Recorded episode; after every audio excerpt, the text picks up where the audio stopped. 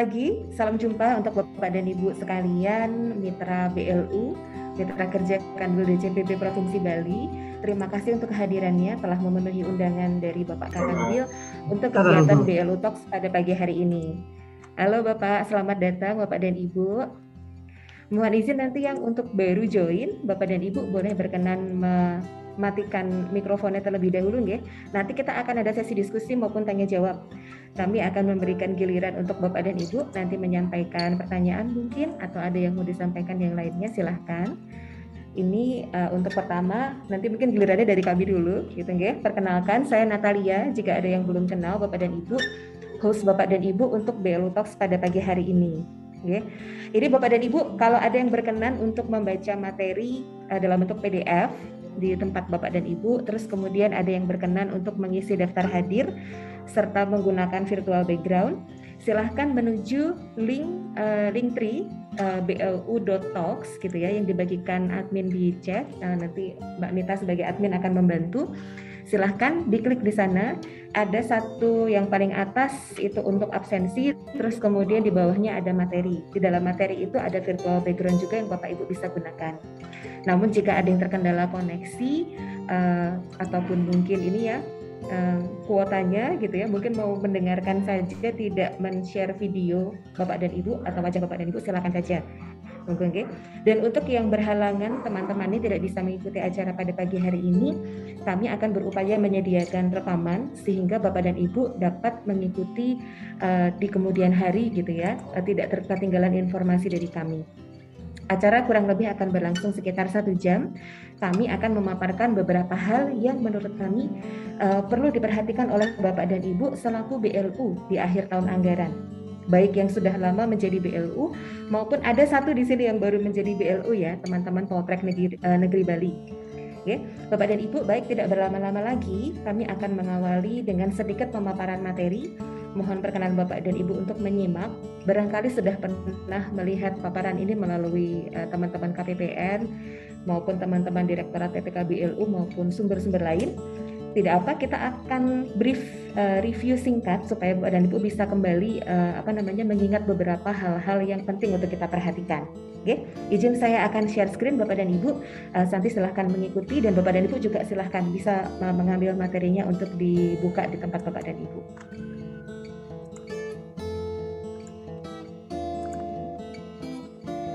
izin sebentar. Nah, Bapak dan Ibu, eh, materi kita pada pagi hari ini akan fokus kepada persiapan akhir tahun anggaran 2021 pada BLU di Provinsi Bali.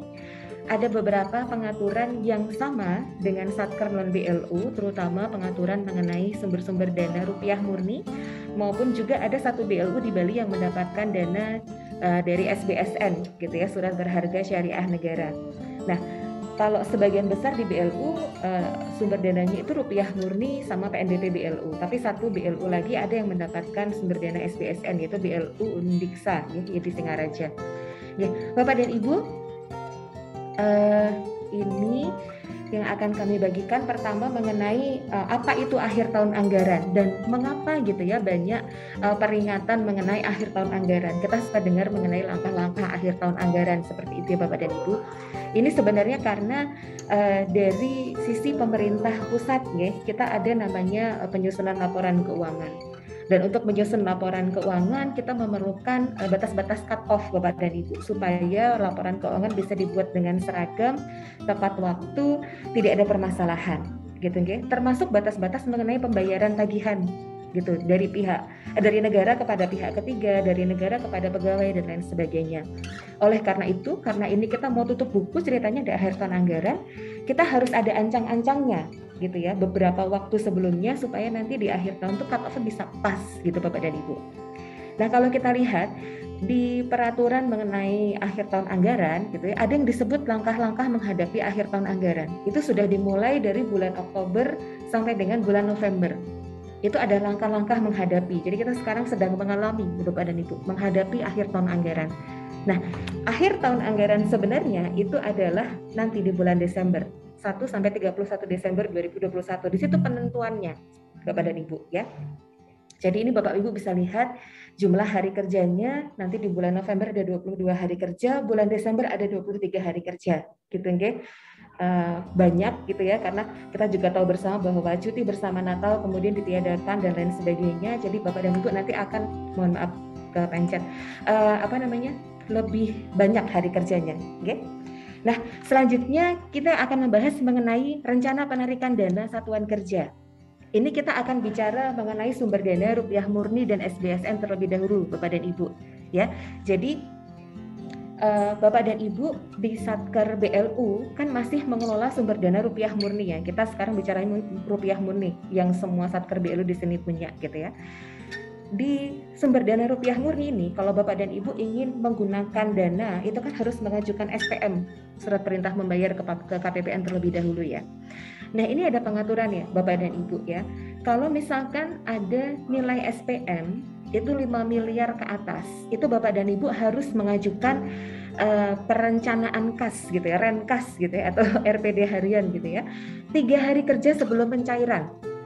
Mengapa Bapak dan Ibu? Karena untuk memastikan bahwa negara gitu ya, manajer kasnya negara bisa menyediakan dana untuk membayar kebutuhannya satker misalkan ada SPM di atas 5 miliar untuk belanja modal atau mungkin bahkan ada yang belanja pegawai yang di atas 5 miliar gitu nilai SPM-nya itu harus diinformasikan minimal tiga hari kerja sebelum pencairannya. Karena Bapak Ibu bayangkan satu satker saja yang mengajukan 5 miliar di Bali. Kalau dikalikan jumlah provinsinya gitu ya itu sudah di atas 150 miliar. Misalkan satu provinsi ada satu satker. Terus mungkin nanti ada beberapa satker lagi yang mengajukan nilai 5 miliar. Negara kita harus uh, menyiapkan uang sebesar itu kepada ibu gitu ya supaya uangnya bisa terkumpul semuanya tidak ada yang telat. Bapak dan Ibu diharapkan bisa menyampaikan rencana pencairannya tadi atau renkas lah ya istilahnya mungkin yang teman-teman uh, lebih familiar tiga hari kerja sebelum pencairan minimal. Gitu ya Kemudian kalau nilainya sampai ada yang di atas 500 miliar atau bahkan di atas satu triliun itu diajukannya justru lebih jauh lagi supaya bisa menyediakan kas gitu ya Bapak dan Ibu. Ini bisa jadi loh banyak satker-satker yang di Jakarta terutama mungkin ya yang cakupannya lebih luas gitu ya. Itu sampai nilai SPM-nya ada yang di atas 500 miliar dan juga ada juga yang di atas 1 triliun gitu ya. Kalau di Bali kemungkinan ada satu dua yang di atas 5 miliar ini. Oke. Mohon izin kepencet. Nah, ini Bapak dan Ibu bisa mengajukan uh, apa namanya update ini kepada KPPN. Selanjutnya ini yang juga Bapak Ibu harus perhatikan karena BLU di Bali masih mengelola dana rupiah murni. Coba dicek kembali kontrak-kontrak yang ada gitu ya Bapak dan Ibu kontrak-kontrak yang sudah ada itu batas waktunya kapan gitu ya. Kalau misalkan ada kontrak baru gitu, kontrak baru nih misalkan di bulan November akhir ini ataupun mungkin di awal Desember masih ada signing kontrak, itu Bapak dan Ibu harus menyampaikan data kontraknya, ADK kontraknya itu ke KPPN paling lambat 5 hari kerja setelah kontrak ditandatangani. Untuk yang sumber dana rupiah murni dan SBSN. Kalau PNBP BLU tidak perlu dicadangkan karena uh, teman-teman di Satker sudah mempunyai atau mengelola kasnya sendiri gitu ya sehingga tidak membutuhkan pencadangan untuk data kontrak ini. Tapi kalau kontraknya itu dari rupiah murni dan dari SBSN, maka tetap harus didaftarkan ke KPPN dengan batas-batas ini Bapak dan Ibu. Bahkan nanti kalau ada kontrak baru di pertengahan Desember sampai dengan akhir Desember itu ada batasnya Bapak dan Ibu, tanggalnya lebih singkat lagi gitu ya. Bahkan bukan lima hari kerja kurang dari lima hari kerja. Itu tolong diperhatikan ya kalau masih ada kontrak dari rupiah murni. Kemudian bapak dan ibu ini juga bapak ibu harus perhatikan untuk SPM LS pembayaran kontrak nggih yang sumber dana dari uh, rupiah murni dan SPSN batas waktu penyampaian SPM-nya tanggal berapa yang paling dekat nih Bapak dan Ibu untuk uh, eh, SPM dengan berita acara serah terima maupun BAPP berita acara penyelesaian pekerjaan bahkan yang per ya bukan cuma yang penyelesaian. Dari tanggal 16 sampai 30 November itu paling lambat SPM-nya diajukan tanggal 3 Desember KPPN pada jam kerja ya Bapak dan Ibu ya. Jadi Bapak dan Ibu tolong diingat jangan sampai ada yang terlewat gitu ya. Kalau ada yang sudah selesai nih pekerjaannya pihak ketiga segera minta semua dokumen-dokumennya supaya bisa segera ada BAST, BAPP gitu ya. Dan tidak perlu menunggu tanggal 3 Desember. Yang sudah selesai hari ini mau Bapak Ibu ajukan besok asal uh, semua dokumennya sudah lengkap dan benar ke KPPN tidak masalah ya. Kadang-kadang nih Bapak dan Ibu ada yang menganggap bahwa batas waktu ini adalah batas pengajuannya ya pengajuannya di hari itu gitu. Enggak juga.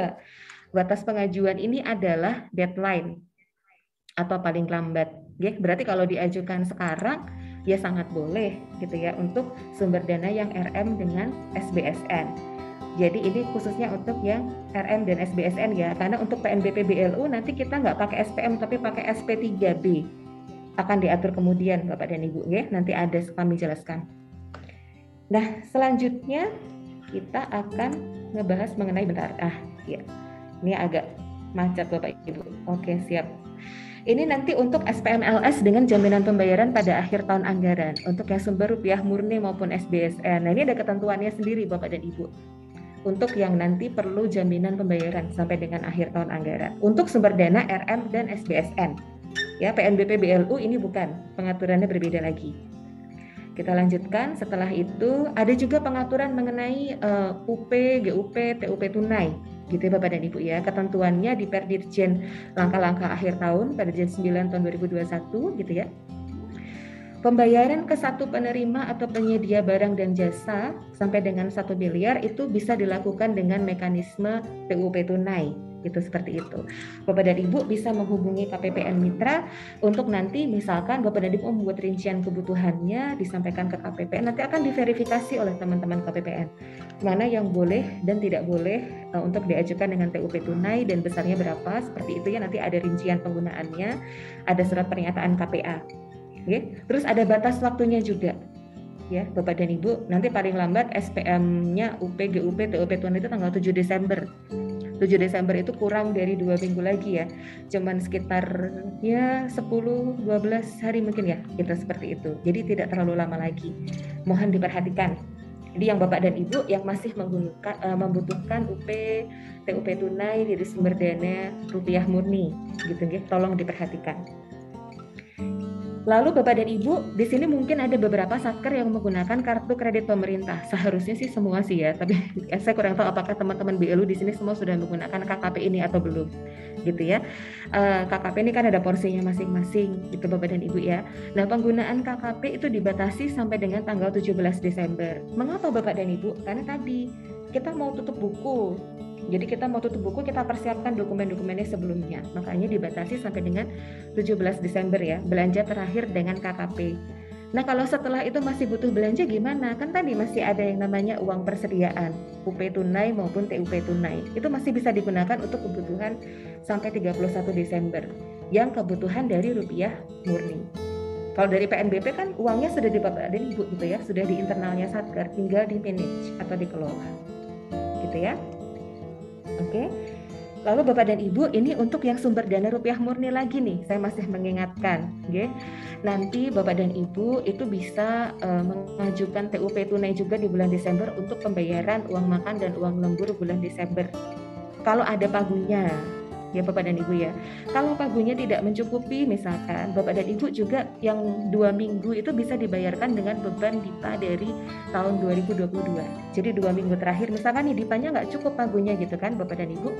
DIPA-nya cuma cukup buat bayar dua minggu pertama di bulan uh, Desember, dua minggu berikutnya gitu ya uang makan dua minggu terakhir di bulan Desember itu dibayarkan dengan beban DIPA tahun 2022. Berarti dibayarnya di bulan Januari gitu ya gitu. Jadi haknya uang makan tetap dapat kok gitu, jangan khawatir gitu. Cuma mungkin kalau misalkan pagunya nggak cukup ya berarti nanti dibayarkan dua minggunya pakai DIPA tahun 2022 gitu. Jadi silahkan dihitung-hitung kembali nih.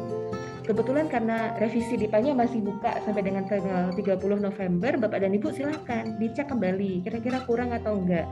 Kalau di dalam satker nggak bisa memenuhi kurangnya nanti antar satker gitu seperti itu dalam satu kanwil itu masih bisa diajukan ke kanwil di CPB dengan izin eselon 1 segera loh ini tanggal 30 November itu tinggal minggu depan hari Selasa.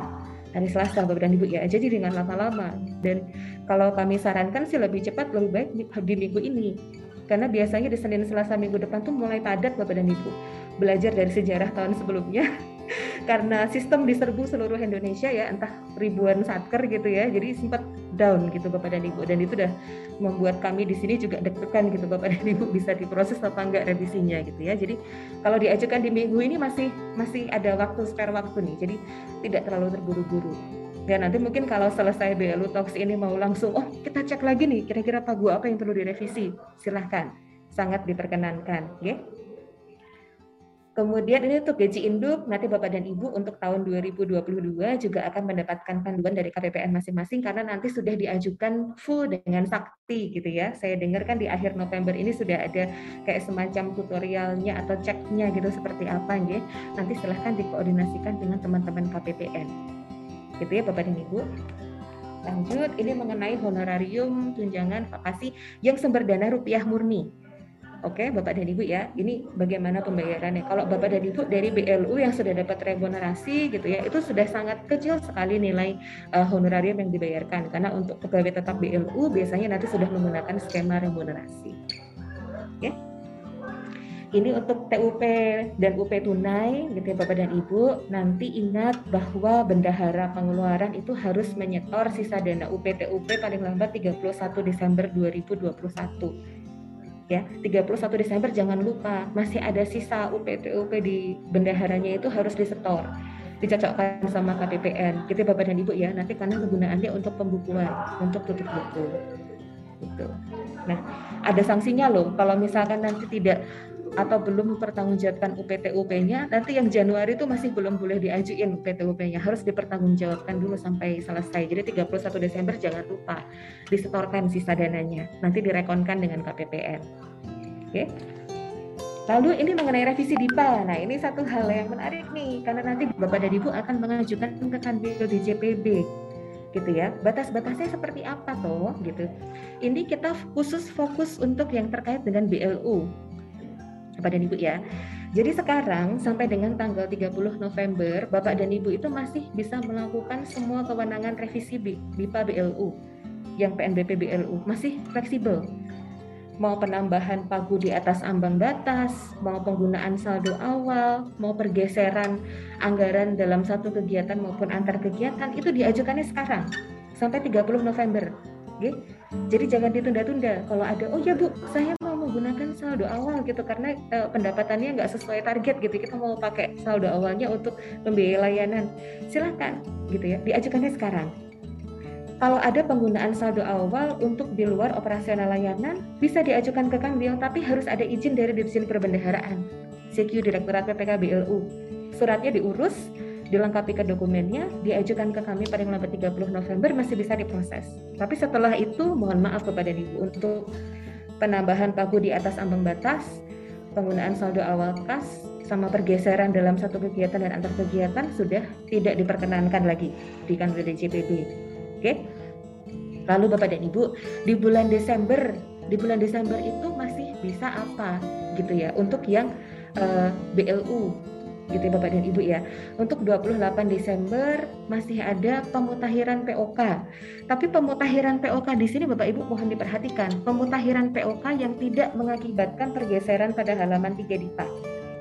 Jadi pemutahiran POK yang di dalam komponen kali ya atau di dalam akun. Jadi halaman 3 DIPA-nya tidak boleh ada perubahan. Kalau ada perubahan di halaman 3 DIPA, halaman 3 DIPA itu kan bagian dari DIPA Berarti kalau itu berubah itu direvisi, berarti itu masuk revisi DIPA. Revisi DIPA itu batasnya di 30 November ini. Jadi sekarang silahkan diajukan revisi DIPA. Mau berubah halaman 3 DIPA-nya masih boleh kalau sekarang. Kalau di bulan Desember Bapak dan Ibu, itu hanya detil-detil di dalam akun itu yang bisa Bapak Ibu geser yang tidak mengakibatkan perubahan halaman 3 DIPA dan otomatis berarti tidak tidak apa namanya antar jenis belanja 52 53 kayak gitu-gitu yang sumber dana PNBP BLU ya. Nggak bisa seperti itu oke?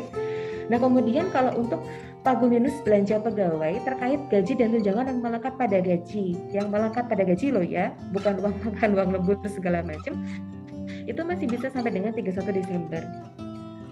Lalu nanti di tanggal 4 Januari Bapak dan Ibu sampai dengan tanggal 4 Januari ya maksimalnya Bapak dan Ibu masih bisa melakukan beberapa revisi BLU di sini. Revisi DIPA yang BLU, bukan yang rupiah murni. Bapak dan Ibu ya. Yang rupiah murni udah tutup jauh-jauh hari di sini. Terus yang di sini tadi tinggal pemutakhiran POK. Gitu ya, yang DS tidak boleh berubah, halaman 3 DIPA tidak boleh berubah, gitu ya. Yang di bulan Januari ini, Bapak dan Ibu sampai tanggal 4 masih bisa melakukan penambahan pagu dalam ambang batas lalu penggunaan saldo awal kas tapi dalam rangka mismatch gitu ya Bapak dan Ibu. Kemudian ada penambahan pagu akibat hibah langsung, misalkan dapat hibah uang. Dan pemindahan dana BLU. Pemindahan dana BLU ini biasanya terjadi di tahun 2020 kemarin pada saat beberapa BLU kesehatan gitu ya mendapatkan pemindahan dana BLU dari BUN. Gitu ya Bapak dan Ibu. Ini contohnya. Gitu. Nah, Bapak dan Ibu perlu perhatikan batas-batas revisi ini. Terus kalau misalkan bertanya kepada kami, jadi kapan baiknya revisi di PBRU dilakukan? Saya sampaikan sekarang juga. Paling lambat 30 November, itu paling aman Bapak dan Ibu ya. Supaya nanti nggak repot di belakang. Dan tentunya Bapak dan Ibu kalau revisi di PBRU harus dilengkapi dengan kelengkapan dokumennya misalkan harus ada persetujuan dewas gitu ya Bapak dan Ibu ya. Kalau sampai ada penambahan pagu di dalam ambang batas di atas ambang batas penggunaan saldo awal itu itu kan Bapak dan Ibu harus ada persetujuan revisi RBA dari dewas. Itu juga harus dilakukan. Jangan lupa jangan lupa untuk melakukan revisi definitif. Dan tolong dilakukan. Jangan hanya surat pernyataan revisi RBA definitif disampaikan ke kami tapi dewasnya nggak dimintain izin tidak terjadi revisi RBA definitif itu nanti kalau Bapak dan Ibu ada aparat pemeriksa Bapak dan Ibu bisa kena gitu ya. Jadi tolong surat pernyataan revisi RBA definitif yang disampaikan untuk kelengkapan DIPA kan kalau ke Kanwil hanya surat pernyataan revisi ya. Pastikan bahwa revisi RBA definitif benar dilakukan dan benar disetujui oleh Dewas. Di kemudian hari ini bisa dikonfirmasi loh ya oleh teman-teman aparat pemeriksa gitu Bapak dan Ibu ya. Tuh. Nah, kemudian uh, untuk pengesahan pendapatan dan belanja BLU gitu ya. Nah, ini penyampaian SP3B uh, BLU kepada KPPN itu disampaikan paling sedikit atau minimal satu bulan satu kali dari bulan Oktober sampai dengan November gitu ya. Nanti di bulan Desember ada lagi batas-batasnya. Yang kemarin uh, teman-teman dari Direktorat PPK BLU sudah menyampaikan kepada Satker gitu ya. Ada himbauan untuk percepatan pengesahan gitu. Dan nanti kami juga akan sampaikan surat dari Kepala Kanwil DJPP Provinsi Bali untuk menyampaikan percepatan pengesahan. Jadi untuk bulan Oktober, November itu minimal satu kali. Terus nanti Bapak dan Ibu yang bulan Desember gitu ya, itu ada untuk pendapatan dan belanja 1 sampai dengan 17 Desember itu disahkan atau di, diajukan SP3B-nya paling lambat 22 Desember. Lalu untuk 18 sampai dengan 31 Desember SP3B-nya diajukan uh, paling lambat tanggal 7 Januari 2022. Jadi nanti akan ada step atau stagingnya supaya membantu Bapak dan Ibu lebih disiplin. Biar nggak nanti ujuk-ujuk eh, bahasanya orang Jawa ya, tiba-tiba gitu ya di tanggal 7 Januari KPPN diserbu dengan ribuan uh, eh, SP3B dari apa namanya teman-teman BLU ya mohon diberikan uh, diberikan juga kesempatan untuk teman-teman KPPN dan kami juga bisa mengatur uh, waktu penyelesaian tugasnya Bapak dan Ibu ya. Jadi nanti kita akan memberikan informasi tersebut kepada uh, BLU-BLU di Provinsi Bali melalui surat dari Kepala Kanwil sesuai dengan instruksi dari Direktorat PPK BLU di kantor pusat. Oke? Okay? Ya, itu Bapak dan Ibu ini ya yang ada percepatan ininya. Nah, selanjutnya kita membahas mengenai uh, mohon maaf ini mengingatkan sedikit tanggal-tanggal penting Bapak dan Ibu yang Bapak Ibu perlu untuk diketahui ya sampai dengan sekarang ya. Kalau tanggal penting yang bulan November tuh sepertinya sudah habis. Kita sekarang ada di tanggal 25. Tanggal pentingnya tinggal eh, tinggal tiga hari kerja lagi sudah tidak ada kecuali tanggal 30 November ini Bapak dan Ibu ya. Batas akhir revisi 30 November. Lalu nanti di bulan Desember ada beberapa banyak sekali tanggal-tanggal penting yang Bapak dan Ibu bisa uh, cek keterangannya di sini gitu ya sampai dengan sini. Dan Bapak dan Ibu juga bisa uh, konfirmasi dengan uh, Perdirjen langkah-langkah akhir tahun. Di situ akan ketahuan Bapak dan Ibu apa saja batas-batasnya gitu. Ini untuk membantu Bapak dan Ibu, silahkan dicek kembali. Jangan sampai terlambat. Ya nanti kalau terlambat agak repot ceritanya.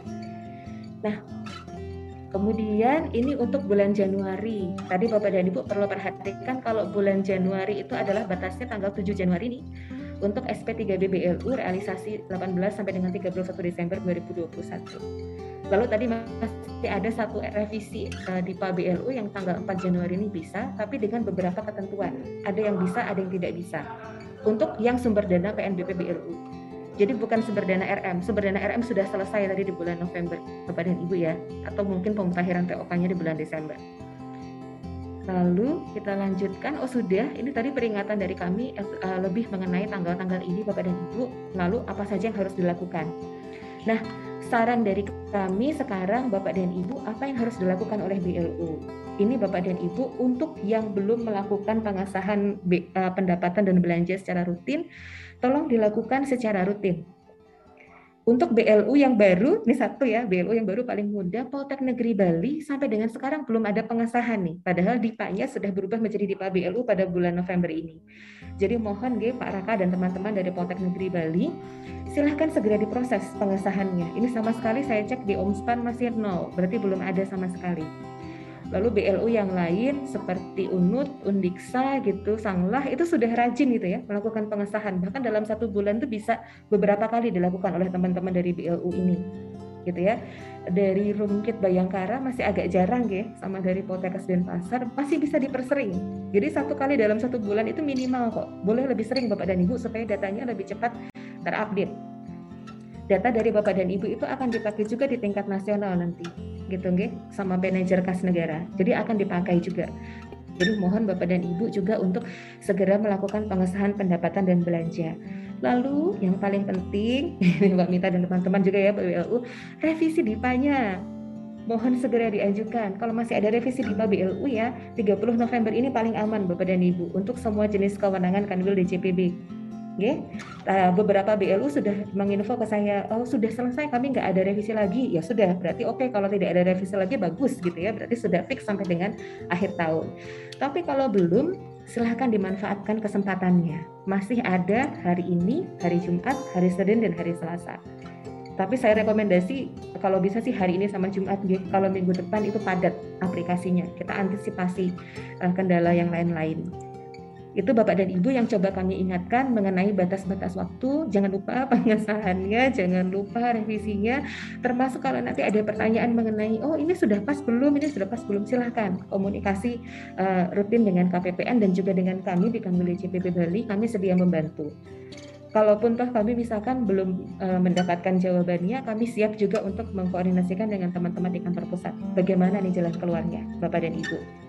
Ya, Oke, nah itu dulu mungkin sedikit paparan mengenai peringatan. Jadi kira-kira apa yang harus kita lakukan untuk mempersiapkan akhir tahun anggaran 2021 Bapak dan Ibu. Setelah ini kami akan memberikan kesempatan untuk Bapak dan Ibu untuk menyampaikan pertanyaan, tanggapan, atau mungkin juga komentar uh, terkait tadi materi yang kami sampaikan atau mungkin ada materi-materi lain yang selama ini sudah sangat-sangat mengganggu dan ingin ingin dikonsultasikan silahkan kami buka kesempatannya untuk Bapak dan Ibu. Uh, kami cukupkan presentasi kami pada pagi hari ini. Terima kasih. Ya. Monggo sekarang langsung saja kita buka biar Bapak dan Ibu punya lebih banyak waktu untuk diskusi. Monggo silahkan. Oh ini sudah ada yang raise hand. Ibu Ken dari Rumah Sakit Umum Pusat Sanglah, G. Oke, silahkan Ibu Ken, kami persilahkan untuk langsung disampaikan, Bu.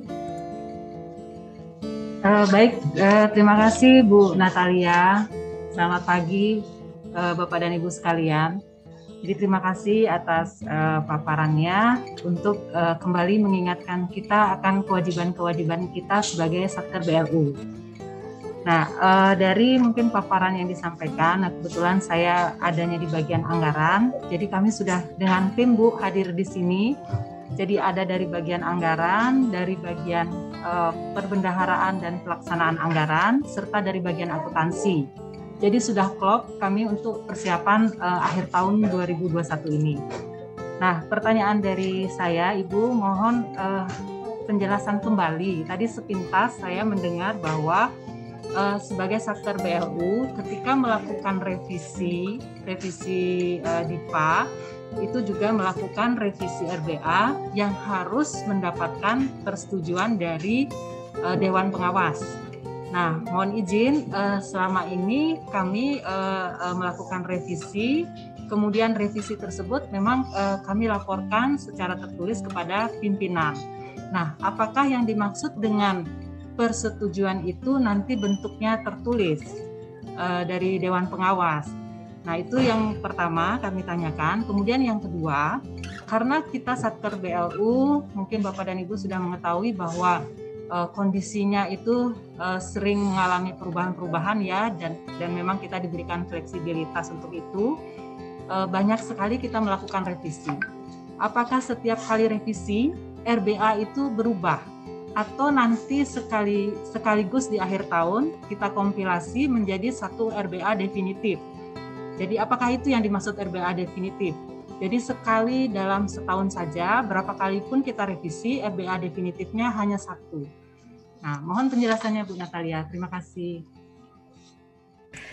Siap, terima kasih Bu Ken buat pertanyaannya. Jadi ini kita fokusnya akan membahas ke RBA ya Bapak dan Ibu. Silahkan Bapak dan Ibu nanti juga uh, barangkali ada kondisi yang serupa gitu ya. RBA ini adalah rencana bisnis dan anggaran guys seperti kita ketahui bersama itu dasar dasar dipanya BLU itu ada di situ Bapak dan Ibu isinya apa ada proyeksi pendapatan proyeksi belanja termasuk rencana penggunaan uh, apa namanya dana di tahun tersebut gitu ya kalau misalkan RBA tahun 2021 berarti ini nih di tahun 2021 nanti kami akan punya proyeksi pendapatan segini proyeksi belanja segini kita gunakan untuk apa saja gitu nah pertanyaannya RBA definitif itu satu saja atau boleh direvisi bolak-balik? Ya, jawabannya adalah RBA definitif gitu ya. Itu definitif yang disebut definitif itu adalah yang ini nih. Bapak dan Ibu kan RBA tahun 2021 ini disusun dari tahun 2020 ya atau mungkin dari 2019 malahan. Begitu DIPA diketok di bulan November tahun 2020 kemarin, itu kan berarti uh, sudah fix gitu ya. Sudah fix, itu terus nanti akan ada yang namanya RBA definitif tahun 2021 yang Bapak dan Ibu uh, dilaporkannya ke Direktorat PPK BLU kalau nggak salah bulan Januari tahun 2021 ya. Itu revisi eh itu sorry RBA definitif pertama itu harus dilaporkan. Ya. Nah kemudian sepanjang tahun anggaran itu kan bisa jadi kita ada penyesuaian kebijakan, ada penyesuaian proyeksi pendapatan, ada penyesuaian proyeksi belanja sehingga mengakibatkan RBA tadi berubah karena bisa jadi total pagunya berubah ataupun total pagu tetap tapi rincian kegiatannya berubah. Kalau RBA berubah, Bapak dan Ibu, itu berarti namanya direvisi RBA-nya. Jadi RBA yang sudah definitif tadi itu masih bisa dilakukan revisi sepanjang tahun dan tidak ada jumlah batasannya. Mau berapa kali? Dan setiap kali ada perubahan kebijakan maupun perubahan proyeksi memang lebih baik RBA-nya direvisi. Nah, mana yang harus disampaikan kepada dewas itu adalah sesuai dengan ketentuan. Kalau misalkan revisinya itu cuma revisi detil di dalam KRO Bapak dan Ibu ya, itu memang mungkin tidak perlu dilaporkan kepada dewas kecuali volumenya tiba-tiba nambah jelok sampai dua kali lipat atau tiga kali lipat ya. Nah, kita coba lihat bersama. Saya coba share ya Bapak dan Ibu ya supaya kita bisa belajar bersama. Ini saya juga sambil buka-buka terus kok Bapak Bisa kelihatan nggih? Ini pasal 56 dari PMK 129 tahun 2020 PMK BLU Simple gitu nggih. Tadi saya sampaikan RBA definitif memang satu di awal tahun. Tapi boleh direvisi nggak? Boleh. Direvisinya dalam rangka apa? Dalam hal paling sedikit meliputi satu, terlampauinya target PNBP. Tadinya target PNBP 100 miliar, tapi ternyata wah layanannya BLU-nya sangat menarik nih sama mitra. Jadi tersampailah uh, target PNBP-nya itu bisa tercapai 300 miliar. Ya harus direvisi gitu Bapak dan Ibu ya RBA-nya kan tadi RBA itu proyeksi pendapatan dan belanja termasuk mau diapain aja nanti di limpahnya jadi itu harus direvisi satu. Kedua penggunaan saldo awal untuk menambah pagu belanja Ya, misalkan ini kasusnya adalah bukan BLU yang layanannya super oke, okay, tapi misalkan dia terkendala gara-gara pandemi, uh, pendapatannya nggak tercapai, dia harus membuka saldo awal, dia ambil tuh saldo awal alias surplus dari tahun kemarin-kemarin untuk menambah pagu belanja tahun ini, untuk dipakai untuk layanan, misalkan untuk beli alat-alat kesehatan, untuk beli alat-alat uh, bantu kuliah gitu ya segala macam, bisa nggak? Bisa itu digunakan, digunakan, tapi dia harus melakukan revisi RBA karena intinya dia akan menambah pagu belanja Bapak dan Ibu ya. Nanti kalau di halaman pertama DIPA tuh akan ada tuh kelihatannya sumber dana RM berapa, PNBP berapa, eh, PNBP BLU berapa, terus kemudian saldo awal kas berapa. Gitu Okay? Terus ketiga, kalau ada perubahan target kinerja BLU itu harus direvisi juga Bapak dan Ibu. Termasuk tadi ya target kinerja dan juga target volume misalkan volumenya oh nambah berapa kali lipat gitu seperti itu berarti RBA-nya juga harus disesuaikan.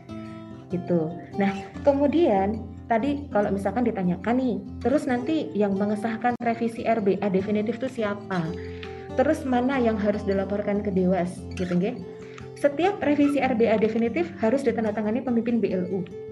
Ya Bapak dan Ibu harus ada tanda tangannya pemimpin BLU Nah, cuman kalau revisi RBA definitifnya itu untuk belanja dalam ambang batas, belanja di atas ambang batas, sama penggunaan saldo awal kas, itu harus diketahui oleh Dewas. Kalau sudah punya Dewas. Kalau belum punya Dewas, harus diketahui oleh Menteri Pimpinan Lembaga dalam hal BLU-nya tidak memiliki Dewas. Nah, biasanya di kalau BLU yang baru belum punya dewas, itu nanti Menteri Pimpinan Lembaganya akan menunjuk salah seorang eselon 1 yang dia bertugas untuk menggantikan fungsinya dewas. Jadi kalau ada revisi-revisi RBA yang perlu diketahui oleh menterinya akan dikasihkan ke sesjennya misalkan atau dirjennya terserah beliau mau penunjuknya siapa atau staf ahli misalkan terserah menteri pimpinan lembaganya. Nanti ada penunjukannya itu kepada ibu di kementerian ya. Nanti harus disampaikan agar diketahui oleh pejabat tersebut. Nah, terus ini Bapak dan Ibu, kalau ada revisi RBA definitif, jadi RBA definitif kan satu, tapi bisa direvisi berkali-kali, itu juga harus disampaikan kepada Menteri Pimpinan Lembaganya, ya, dan kepada Menteri Keuangan CQ Dirjen Perbendaharaan. Jadi nanti di Dirjen Perbendaharaan itu akan diturunkan ke teman-teman Direktorat PPKBLU. Jadi teman-teman Direktorat PPKBLU ini akan memantau setiap kali ada revisi RBA definitif. Tadi pertanyaan Buken juga, terus gimana? Apakah uh, pengetahuan atau bukti diketahui oleh dewasnya itu harus tertulis atau tidak gitu nggih. Ini bagus saja. Ini diatur di tempat Bapak dan Ibu nggih di di satkernya karena di PMK 129 tidak nyata-nyata disebutkan harus ada tanda tangan dewas gitu nggak ada Bapak dan Ibu. Harus ada fotonya dewas, harus ada rekaman rapat dengan dewas gitu kan nggak ada di sini ya Bapak dan Ibu. Cuman harus diketahui Nah nanti di kemudian hari bisa jadi Bapak dan Ibu pada saat diaudit oleh aparat pemeriksa entah dari Itjen maupun mungkin nanti dari auditor eksternal pemerintah dari BPK akan nanya coba kita tanya buktinya itu sudah diketahui sama Dewas di mana Bapak dan Ibu harus bisa menunjukkannya. Misalkan ya aparat pemeriksa. Jadi dari kami dari Kementerian Keuangan kita tidak ada mengharuskan di PMK-nya bahwa itu harus ada tanda tangannya dewas atau harus ada apanya dewas gitu ya. Tapi yang jelas harus diketahui oleh dewasnya gitu. Jadi kadang-kadang kalau bapak dan ibu di Bali nih kalau ada mengajukan usulan revisi yang itu mengakibatkan perubahan RBA kami akan konfirmasi kepada dewas dari Kementerian Keuangan. Karena kami kenal kan dewas-dewas Kementerian Keuangan yang ditugaskan untuk mengawasi BLU di Bali kami akan tanya ke beliau Pak Bu ini benar nggak ya Bapak dan Ibu sudah mengetahui rencana rencana si BLU ini untuk melakukan revisi yang mengakibatkan perubahan RBA gitu ya. Pada saat Dewas bilang, oh iya, saya sudah mengetahui, sudah dirapatkan di rapat Dewas dan kita sudah setuju gitu ya.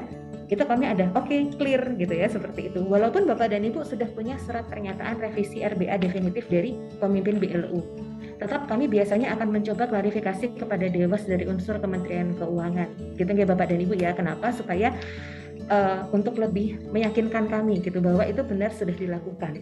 Karena ada BLU di tempat lain, bukan di Bali ya, yang bilangnya sudah revisi RBA definitif, bilangnya sudah disetujui Dewas, tapi pas ditanya aparat pemeriksa mereka tidak bisa membuktikan dan kemudian baru jujur oh itu sebenarnya belum dilaporkan ke Dewas sih karena Dewasnya di Jakarta gitu katanya seperti itu. Okay. Padahal uh, zaman sekarang kan cara kita untuk melaporkan ke dewas maupun pejabat pengganti dewas tadi yang ditunjuk menteri tadi kan bisa banyak hal ya bapak dan ibu ya. Bisa pakai virtual seperti ini. Nggak harus datang ketemu juga gitu. Kalau mau datang ketemu sambil perjalanan dinas ya monggo saja gitu seperti itu. Jadi masih banyak cara.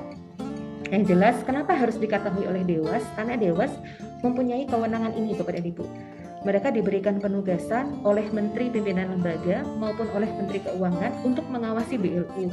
Oh ini operasionalnya udah benar atau belum? Oh ada yang melenceng atau tidak gitu ya? Untuk menjadi dewan pengawasnya gitu ya. Selain di internal Bapak dan Ibu ada SPI dan dan Ibu pun ada nantinya auditor gitu okay? Tapi Dewas ini bukan auditor tapi mereka membantu Menteri untuk mengawasi jalannya operasionalnya BLU.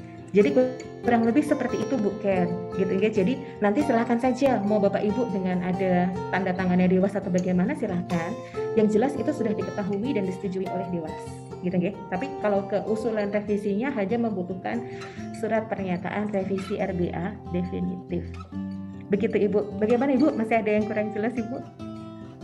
Terima kasih Bu Natalia, sangat jelas sekali. Terima kasih ya. banyak. Ya. Oke, terima kasih Bu Ken. Kami tunggu ya Bu kalau masih ada usulan revisinya masih, ya Bu. Masih ada Bu. Dalam waktu beberapa hari ini akan kami ajukan. Terima kasih. Ya, Oke, terima kasih Ibu. Baik. Ya.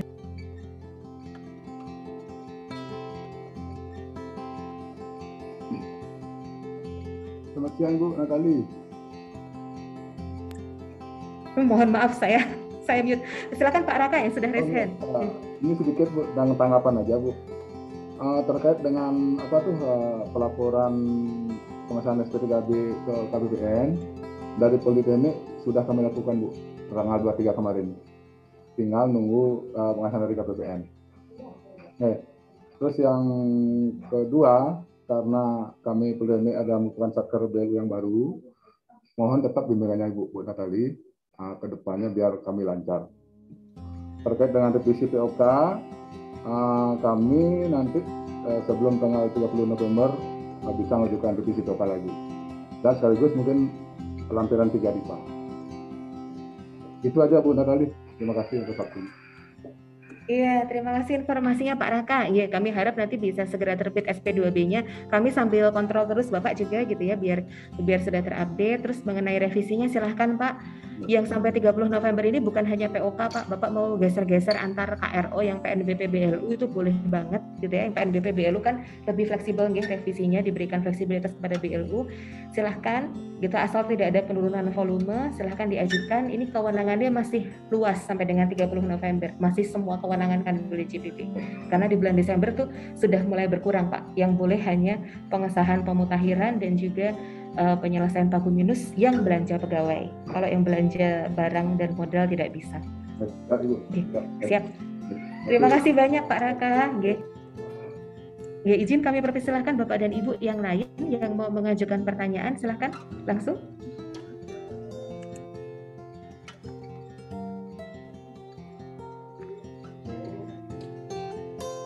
mohon maaf bisa bertanya langsung atau kalau Bapak dan Ibu misalkan uh, suaranya tidak bisa nyambung ke headset atau kurang jelas gitu mau pakai chat juga boleh loh Bapak dan Ibu. Silahkan. Kami masih menyediakan waktu Bapak dan Ibu bisa menanyakan. Atau mungkin bukan pertanyaan atau komentar gitu ya atau seperti apa silahkan juga. Yang malu-malu yang malu-malu misalkan apa namanya ada ada apa namanya ini ada masalah nih Bu di internal BLU tapi karena ini kan forum ya forum ada banyak orang terus kemudian nanti akan rekamannya kami unggah di YouTube terus malu-malu gitu nggak mau ngomong. Nggak apa-apa bisa japri atau Bapak dan Ibu bisa melihat di chat sudah dibagikan Mbak Mita selaku admin ada link tree blu.talks ya Bapak dan Ibu ya. Di paling atas itu ada absensi dan juga ada semacam uh, saran komentar. Dan yang kedua ada materi. Materinya itu materi yang tadi saya sampaikan dan juga ada virtual background. Nah, di bagian atas yang absen tadi, kami akan meminta feedback untuk acara ini. Bapak dan Ibu juga kami sediakan tempat. Kalau misalkan ada potensi permasalahan BLU, ada masalah nih seperti ini, Bapak dan Ibu bisa meninggalkan nama, kemudian ada email dan juga nomor HP silahkan dimasukkan di situ. Nanti masalahnya itu akan kami jawab langsung ke Bapak dan Ibu. Bisa pakai WhatsApp, email, telepon gitu nggih. Kami akan coba bantu carikan solusinya. Kalau misalkan malu-malu nih nggak mau menyampaikan di sini, boleh banget. Di link tree BLU Talks ya Bapak Ibu tinggal diklik yang paling atas itu sekalian absen silahkan di situ ada tempat potensi permasalahan Bapak dan Ibu bisa cerita di situ nanti kami akan coba carikan solusinya oke ada lagi? Bapak dan Ibu? Ya siap. Oke, monggo monggo Bu. Maaf boleh ya. Uh, tadi ada pertanyaan yang terlupakan. Boleh ya disambung. Uh, kami mau menanyakan terkait hibah.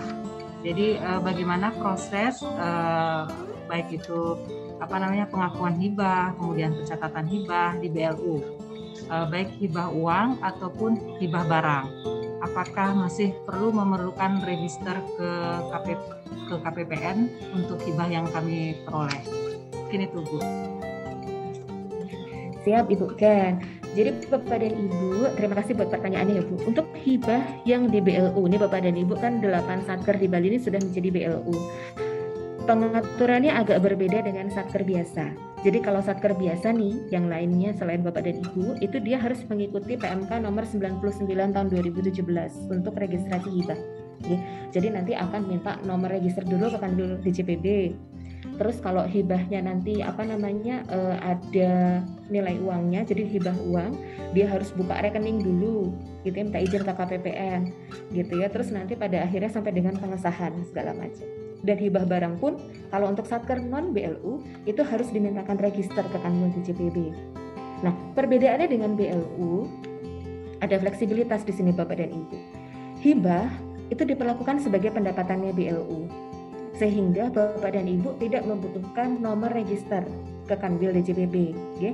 Jadi begitu ada hibah, nanti kalau hibahnya uang itu akan dicatat menjadi pendapatan hibah.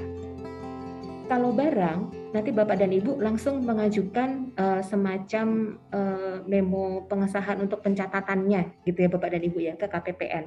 Gitu nanti untuk bisa diinput ke dalam SABMN-nya. Gitu. Jadi sebenarnya tidak tidak terlalu rumit karena tidak membutuhkan nomor register dan Bapak dan Ibu juga tidak membutuhkan buka rekening khusus. Bisa dilakukan di rekening yang sudah ada di BLU. Rekening yang ada di BLU kan ada tiga jenis ya minimal ya, rekening operasional, rekening pengelolaan kas, rekening dana kelolaan rekening operasional ini ada penerimaan sama pengeluaran yang sudah berkaitan dengan layanan BLU. Terus rekening pengelolaan kas ini untuk optimalisasi kas jangka pendek, jadi deposito-deposito gitu. Terus yang dana kelolaan ini adalah untuk menampung kas atau pendapatan yang masih belum pasti menjadi haknya BLU. Kalau itu nyata-nyata hibah 100% ya, nggak akan diminta balik lagi nih sama pemberi hibah segala macam, berarti sudah menjadi pendapatan hibah yang menjadi pendapatan layanan BLU. Jadi uang hibahnya masuknya ke rekening operasional penerimaan BLU. Langsung masuk di sana, Bapak dan Ibu ya. Nanti disampaikan kepada pemberi hibahnya, nanti hibah uangnya ditransfer ke rekening operasional penerimaan BLU. Lalu setelah itu Bapak dan Ibu melakukan jurnal untuk pencatatan tadi, pendapatan hibahnya tadi. Dengan dokumen-dokumen bukti, silahkan di internalnya Satker dan juga pemberi hibah butuh dokumen apa saja nih. Misalkan bapak dan ibu mau melengkapi di internal oh kami tetap butuh perjanjian hibah gitu ya untuk mengantisipasi masalah di kemudian hari. Misalkan takutnya nanti ada yang minta balik lagi uangnya gitu ya seperti itu. Itu monggo saja itu diadministrasikan di internal. Tidak perlu dilaporkan ke kami dokumen-dokumennya tidak perlu dimintakan register hibah ke Kanwil, tidak perlu. Karena sudah Bapak dan Ibu sebagai BLU diberikan fleksibilitas untuk mengelola pendapatan dan belanjanya. Tapi fleksibilitas ini kepercayaan loh ya, kepercayaan dari Kementerian Keuangan. Jadi tolong dipastikan bahwa fleksibilitas itu, kepercayaan itu dipertanggungjawabkan dengan baik. Kalau ada hibah dicatat sesuai dengan jurnal-jurnalnya gitu Bapak dan Ibu dilaporkan. Termasuk kalau terima hibah barang, misalkan Ibu kalau bukan di rumah sakit, sanglah mungkin ada terima hibah barang terkait uh, penanganan pandemi Covid Ibu ya. Dicatat Bu barang-barangnya di SABMN. Gitu ya. Nanti akan ada jurnal-jurnal khususnya. Saya tidak bisa menyebutkan satu persatu di sini jurnalnya. Tapi nanti jika Bapak dan Ibu ada yang menginginkan panduan akuntansinya, nanti akan kami kirimkan gitu, melalui WhatsApp atau email. Silahkan nanti di link trinya tadi itu yang ada absensi Bapak dan Ibu sebutkan misalkan uh, minta nanti apa namanya panduan jurnal atau panduan pencatatan akuntansi untuk hibah BLU gitu ya. Silahkan ditinggalkan di situ akan kami kirimkan melalui alamat email atau nomor HP yang bisa WhatsApp yang Bapak Ibu tinggalkan. Oke. Itu barangkali bukan. Jadi uh, tidak perlu register Bu singkatnya langsung dicatat sebagai pendapatan BLU kalau barang dicatat di SABMN atau apa ya namanya sekarang ya SABMN ya masih SABMN gitu. Terima kasih. Simak BMN. Oke. Uh, Bu Natalia jadi tidak perlu register berarti uh, sama dengan tidak perlu kita melakukan revisi ya Bu ya untuk uh, penerimaan hibah ini. Oke. Yeah. Nanti pendapatan hibahnya kan otomatis akan disahkan ya Bu ya. Jadi SP3B gitu kan, SP3B pendapatannya gitu kan. Okay. Ya, terima kasih Bu Natalia.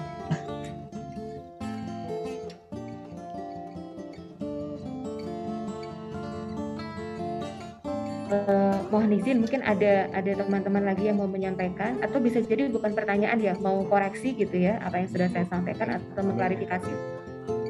Silakan Pak. Pak Sidan ya monggo Pak Ngakan Sidan. Ya. saya Bu izin Bu uh,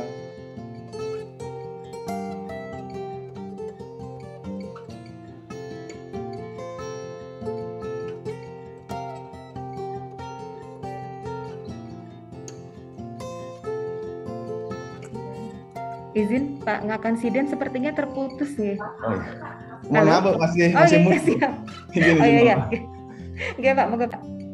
Uh, baik Bu, terima kasih Bu. Kami dari Poltrada Bali Bu uh, ingin diskusi sedikit Bu. Kami saya sebelumnya tadi agak telat Bu karena memang ada kegiatan seminar penelitian, jadi baru masuk ke uh, ke Zoom ini. Apakah mungkin tadi sudah dijelaskan tapi saya terlewat gitu Bu. Jadi saya mau diskusi terkait dengan uh, penggunaan Bu. Jadi di Pak. Nah, kami historinya mungkin perlu kami sampaikan dulu Bu sebelum kami bertanya. Sebelumnya kami histori kami penggunaan itu ada sebesar kurang lebih 19 miliar. Hanya saja kami dari eselon 1 seluruh satker BLU di, di level BPSDM, di unit kerja BPSDM dikumpulkan dan disesuaikan pagunya terkait dengan uh, kondisi-kondisi uh, yang terkini. Nah, setelah kami hitung sampai akhir tahun, kami sudah menghitung sangat detail, sangat uh, kita sudah hitung sesuai dengan uh, penggunaan kita, kebutuhan kita dan kita sudah ketemu angka sebenarnya Bu dia kemarin. Nah, tapi e, ternyata Ibu setelah kita hitung setelah penggunaan setelah hasil revisi tingkat DJA yaitu nilainya sekitar 10,5. Nah, ternyata di luar dugaan November Desember ini kalau kita bilang Bali ini cukup ramai. Kemudian animo masyarakat ya kerjasama kerjasama tiba-tiba ada yang di luar yang yang sebelum yang yang belum PKS sebelumnya tiba-tiba baru-baru ini minta PKS kerjasama.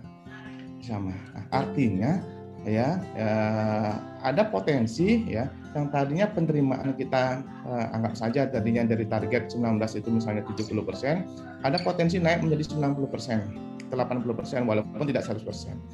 Nah seiring dengan demikian tentunya yang berdampak dengan penggunaan kami yang kami sudah setting misalnya anggaplah penerimaan kita 70 kita udah setting 60 ya misalnya Nah, ternyata ada potensi ini akan uh, peningkatan kurang lebih demikian Ibu. Nah, dengan peningkatan ini ya tentunya masih memang kalau segi aturan masih memungkinkan tingkat kawin untuk penambahan uh, pagu ya ambang batas.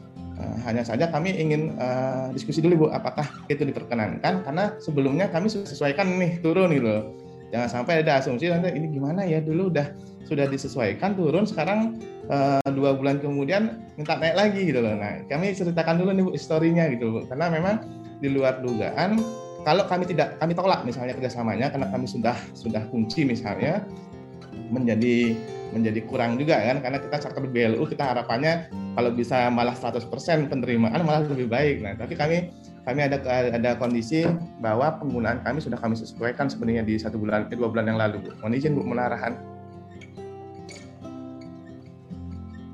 Terima kasih Pak Sengatkan Siden. Ini malah berarti selamat ya Pak ya bisa naik ini PNBP-nya gitu ya karena sudah mulai uh, apa namanya relaksasi gitu PPKM-nya tidak tidak terlalu ketat lagi walaupun kita nggak tahu nanti kondisi akhir tahun. Nah kalau misalkan ada potensi PKS dan memang ini kan berarti pengguna layanannya membutuhkan layanan Poltrada Pak ya monggo-monggo saja gitu. Kalau nanti Bapak melakukan revisi kembali gitu ya Bapak, itu masih bisa tapi ada batas-batasnya gitu ya. Kalau sampai 30 November ini untuk penggunaan saldo awal yang bebas terus kemudian penambahan uh, pagu di atas ambang batas itu masih bisa sampai dengan 30 November. Kalau saldo awalnya kan sudah dipakai semua ya Pak ya, seingat saya ya, sudah nggak ada kan, tinggal dikit banget kan ya. Nah. Ya, jadi saldo awal kemungkinan besar tidak akan bisa, tidak akan diajukan. Kalau di atas ambang batas bisanya sekarang Pak sampai dengan 30 November gitu ya. Nah, kalau yang agak lebih fleksibel lagi yang sampai dengan 4 Januari gitu ya hari kerja pertama mungkin di bulan uh, tahun 2022 itu adalah uh, revisi dalam ambang batas. Masih boleh nggak boleh Pak? Selama di aturan masih dibilang kami boleh menerima boleh Pak. Tapi itu hanya untuk revisi penambahan pagu dalam ambang batas loh ya Pak. Ambang batasnya potrada berapa persen gitu nih, misalkan taruhlah 10 persen. Berarti bisa bertambah pagunya sebesar 10 persen itu saja. Pastikan ada tadi uh, apa namanya uh, pernyataan revisi RBA definitif, lalu dipastikan bahwa itu sudah diketahui atau disetujui oleh Dewas, gitu ya Pak ya. Jadi masih boleh gitu nggak apa-apa silahkan. Tapi untuk sumber dana PNBP lu aja.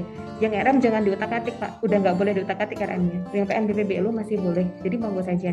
Selama memang masih masih uh, bisa nggih. Yang tadi paling memungkinkan kan dalam ambang batas ya pak ya?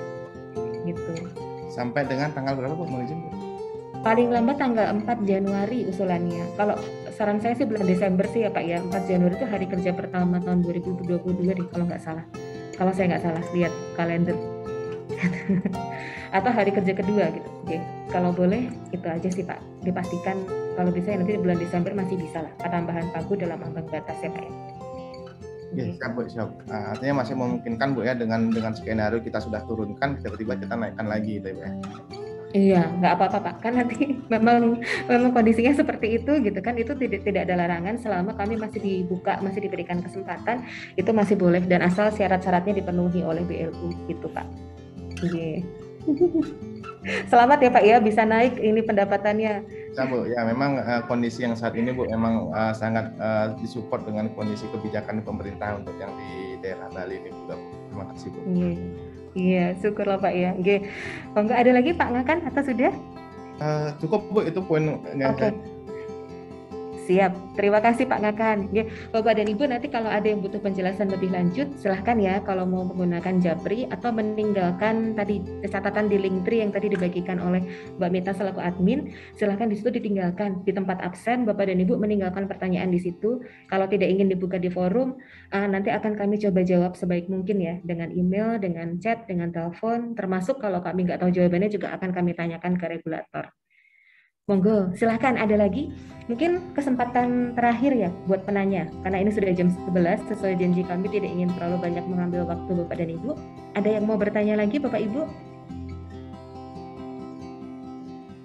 Atau teman-teman dari Kanwil DJPB Bali, mungkin ada yang mau menambahkan juga silahkan, boleh sekali.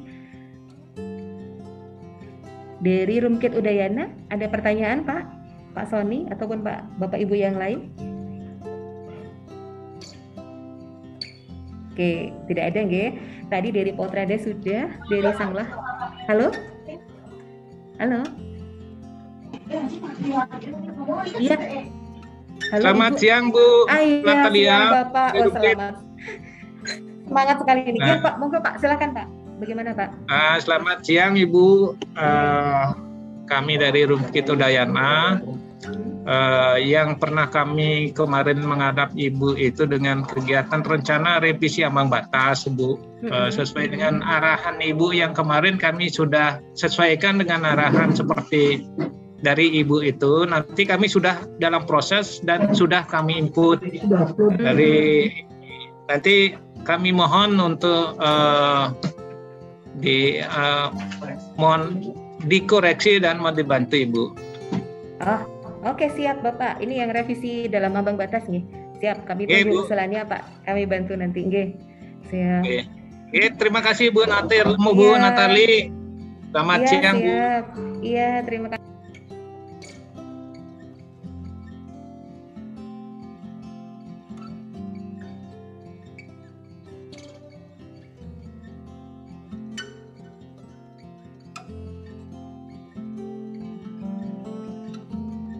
Sorry sorry. Saya lupa ke ya. Terima kasih mbak Nita. Bapak dan ibu sudah empat BLU tadi yang sempat uh, melontarkan pertanyaan. Saya berikan kesempatan untuk tiga BLU yang lain yang belum. Universitas Sudayana Undiksa dan juga Politeknik Kesehatan Denpasar monggo. Atau Rumah Sakit Bayangkara Denpasar yang belum. Ada bapak ibu jika tidak ada, tidak apa-apa. Nanti jika ada pertanyaan lagi bisa disampaikan melalui kami, melalui link tree tadi, atau melalui kasih pembina masing-masing. Mungkin uh, Bapak dan Ibu lebih nyaman bicara dengan Bu Dini atau dengan Pak Gaga gitu ya, atau dengan Ibu Rima. Monggo silahkan, tidak apa-apa. Nanti kami akan mencarikan jalan keluar terbaik untuk uh, pertanyaan dan juga masalah yang disampaikan. Oke, Bapak dan Ibu, ini sekaligus uh, untuk menutup uh, BLU Talks pada hari ini, kami mengucapkan terima kasih untuk perhatian Bapak dan Ibu, terutama juga karena partisipasi Bapak dan Ibu sejak bulan Januari, ya, uh, setia gitu ya menghadiri acara kami. Kalau boleh nih kami sampaikan Bapak dan Ibu, BLU Talks ini menjadi uh, salah satu uh, inovasi layanan Kanwil DJPB Bali yang diapresiasi oleh kantor pusat uh, Dijen Perbendaharaan dan pada kegiatan rapat pimpinan nasional di bulan November 2021 uh, Kanwil DJP Bali menjadi peringkat pertama untuk Kanwil uh, dalam pembinaan BLU dan juga edukasi dan komunikasi kepada BLU. Terima kasih sekali untuk Bapak dan Ibu karena ini semua tidak akan terlaksana ya kalau Bapak dan Ibu nggak nggak ikut gitu ya. Kalau Bapak Ibu nggak ikut ya kan nggak akan terlaksana juga BLU Talks-nya. Terima kasih sekali dan uh, kami harap inovasi ini bisa terus didukung oleh Bapak dan Ibu gitu ya di kemudian hari silahkan memberikan masukan perbaikan apa pun untuk BLU Talks ini supaya kami bisa melayani Bapak dan Ibu Ibu lebih baik dan kita bisa lebih saling mengenal gitu ya Bapak dan Ibu ya. Kita bisa lebih saling mengenal bisa lebih baik lagi lah hubungan kita di kemudian hari baik di uh, urusan pekerjaan maupun nanti mungkin di urusan pertemanan gitu ya terima kasih banyak dan mungkin tidak berlama-lama lagi uh, atas nama pimpinan kami menyampaikan terima kasih atas kehadirannya dan sampai jumpa di BLU Talks berikutnya. Bapak dan Ibu bisa memilih topik yang diinginkan gitu ya. Nanti kami akan coba pertimbangkan atau jika tidak pun mungkin kita akan belajar mengenai penyusunan laporan keuangan mungkin di bulan depan ya. Jadi biar Bapak dan Ibu bisa lebih siap bagaimana tutup bukunya ya. Itu saja saya Natalia uh, mewakili segenap kru dan juga tim dari BLU Talks undur diri. Terima kasih banyak untuk perhatian Bapak dan Ibu. Salam sehat salam semangat dan dengan ini saya tutup dengan Parama Santi. Om Santi Santi Santi. Terima kasih Bapak dan Ibu. Ibu